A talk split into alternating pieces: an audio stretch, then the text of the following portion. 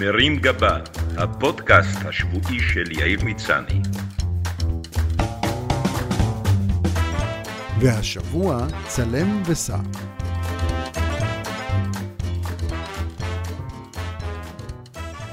יש משפטים שנחרטים לך בזיכרון.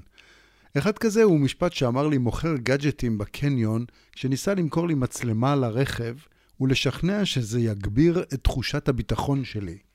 כדאי לך לקנות את זה, זה מוצר טוב, ואין לדעת. החיים מלאי הפתעות. למרות שלא הבנתי בדיוק אם מדובר בהפחדה או בהבטחה, המשפט הזה דיבר אליי, והחלטתי להפתיע את עצמי ולקנות את המצלמה. מדובר במוצר לא יקר במיוחד, שאתה מתקין באוטו כדי לצלם את מה שעובר עליך בדרך. הוא יכול לשמש אותך בתוך ומחוץ למכונית, לתעד מישהו ששייף לך את הטמבון בזמן שהרכב חנה, לספק הוכחות לחפותך אם הואשמת בביצוע עבירת תנועה על לא עוול בגלגלך, לגלות את האמת במקרה שהבת שלך אמרה שהיא נוסעת ברכב לבסיס אבל בעצם קפצה לשארם עם שלוש חברות, או לתעד את המוסכניק שבמסגרת הטיפול השנתי ניגב את הידיים המגורזות שלו בשמלה של אשתך שהייתה במושב האחורי. העולם שלנו מצולם מכל הכיוונים, וזו גם הסיבה שסרטוני המכות עם כיסאות כתר פלסטיק מציפים את הרשת. סכסוכים בין אמהות בגנים ציבוריים, מתרחצים באילת שבורחים מכריש, שוטרים אלימים בארצות הברית, תאונות דרכים מטורפות או חזירי בר קופצים על טרמפולינה בחצר של בית בחיפה, הכל מתועד במצלמות אבטחה או במצלמות רכב שפרוסות בכל מקום. למרות זאת, כדאי להביא בחשבון שבעתיד הקרוב יהיה קשה להשתמש בחומר המצולם, כי כולנו הרי עוטים מסכות, וארגוני הביון הבינלאומיים יצטרכו לחשוב על פתרון מתוחכם יותר. כל גנב, מרגל או מחבל שיעטו מסכת קורונה, יערימו על כל הטכנולוגיות שעליהם עמלו בעולם במשך שנים. הפתרון היחיד שאני רואה לנגד עיניי הוא שבעתיד צילומי הפספורט שלנו יהיו עם מסכה. באחד הימים, בעודי נוסע לתומי במכונית, עצר אותי שוטר והודיע שנכנסתי לצומת כשהוא לא פנוי. מכיוון שמחשבותיי נדדו לכל מיני עניינים שברומו של עולם, או לפחות ברומה של ארוחת צהריים, לא הייתי בטוח אם באמת נכנסתי לצומת כשהוא לא פנוי, מה שלא מנע ממני להתווכח עם השוטר ולהסביר לו שהוא ממש טועה. שאלתי אם בתקופה של משבר כלכלי ובריאותי אין למשטרה דברים טובים יותר לעשות מאשר לרדוף נהגים בצמתים, ואם לא עדיף שישקיעו את הזמן במרדף אחרי אנשים שיצאו לרחוב בלי מסכה, או מדענים שיצאו להפסקה במקום להמשיך לפתח חיסון לקורונה. בלבולי המוח שלי לא ממש הרשימו את האיש, והוא המשיך למלא את הדוח בשלווה. כשהגעתי הביתה, נזכרתי פתאום שאני בעליה של מצלמת רכב משוכללת, ושאם אכן לא ביצעתי את העבירה, יש בידי הוכחה נהדרת שאותה אציג קבל עם ושופט. התפללתי חזק שהמצלמה אכן עשתה את המוטל עליה. ואכן, אחרי ששלפתי את כרטיס הזיכרון וצפיתי בחומר המצולם במחשב, ראיתי שכניסתי או אי כניסתי ניתנות לפרשנות.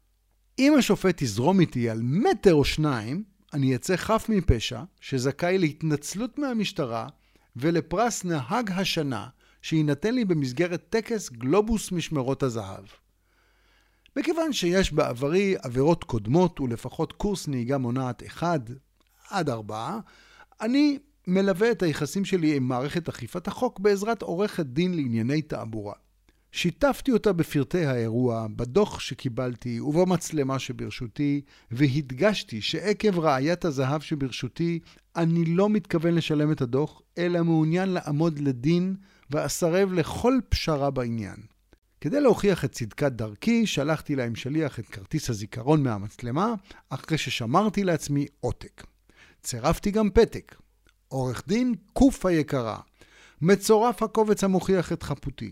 בניגוד למאמר השיר, לא תמיד האזרח הקטן נאלץ לשלם בגדול, הפעם הוא דווקא ירוויח בגדול, בזכות מצלמה קטנה לטיפולך אודה. אחרי כמה ימים קיבלתי מעורך דין קוף מכתב תשובה בזו הלשון. יאיר היקר, קיבלתי את המעטפה ואת כרטיס הזיכרון ממכוניתך. צפיתי בחומר, וניתן לומר שכניסתך לצומת מובהקת, כמו הכניסות של קרמר לדירתו של ג'רי סיינפלד. ברורה ודרמטית.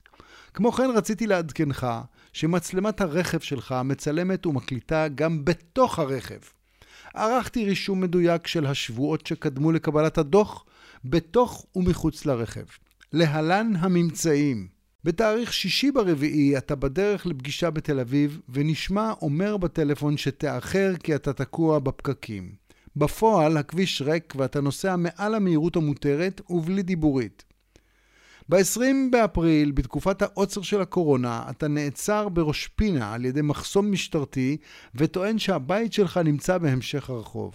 חמש דקות אחר כך אתה נראה נכנס לצימר סמוך.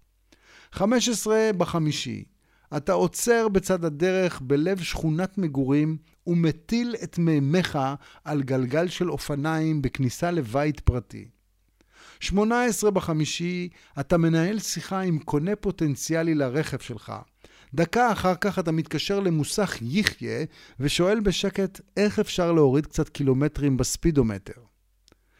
בנסיעה לירושלים אתה לוקח טרמפ שלושה חיילים ומספר להם על מעלליך הצבאיים כלוחם בסיירת מטכ"ל, כולל חלקך במבצע אנטבה. בדקתי את תאריך הגיוס שלך.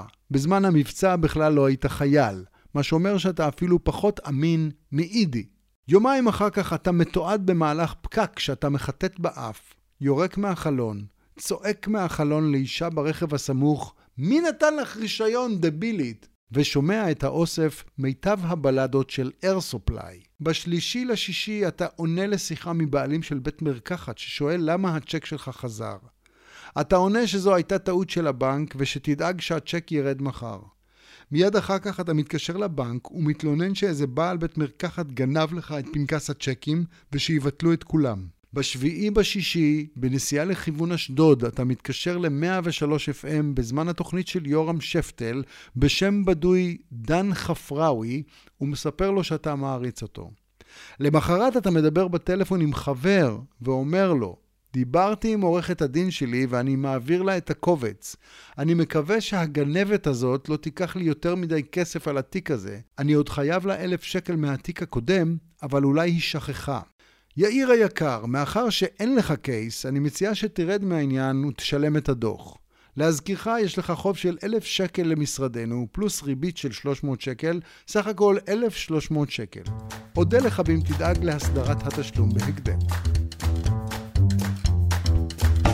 מרים גבה, הפודקאסט השבועי של יאיר מצני.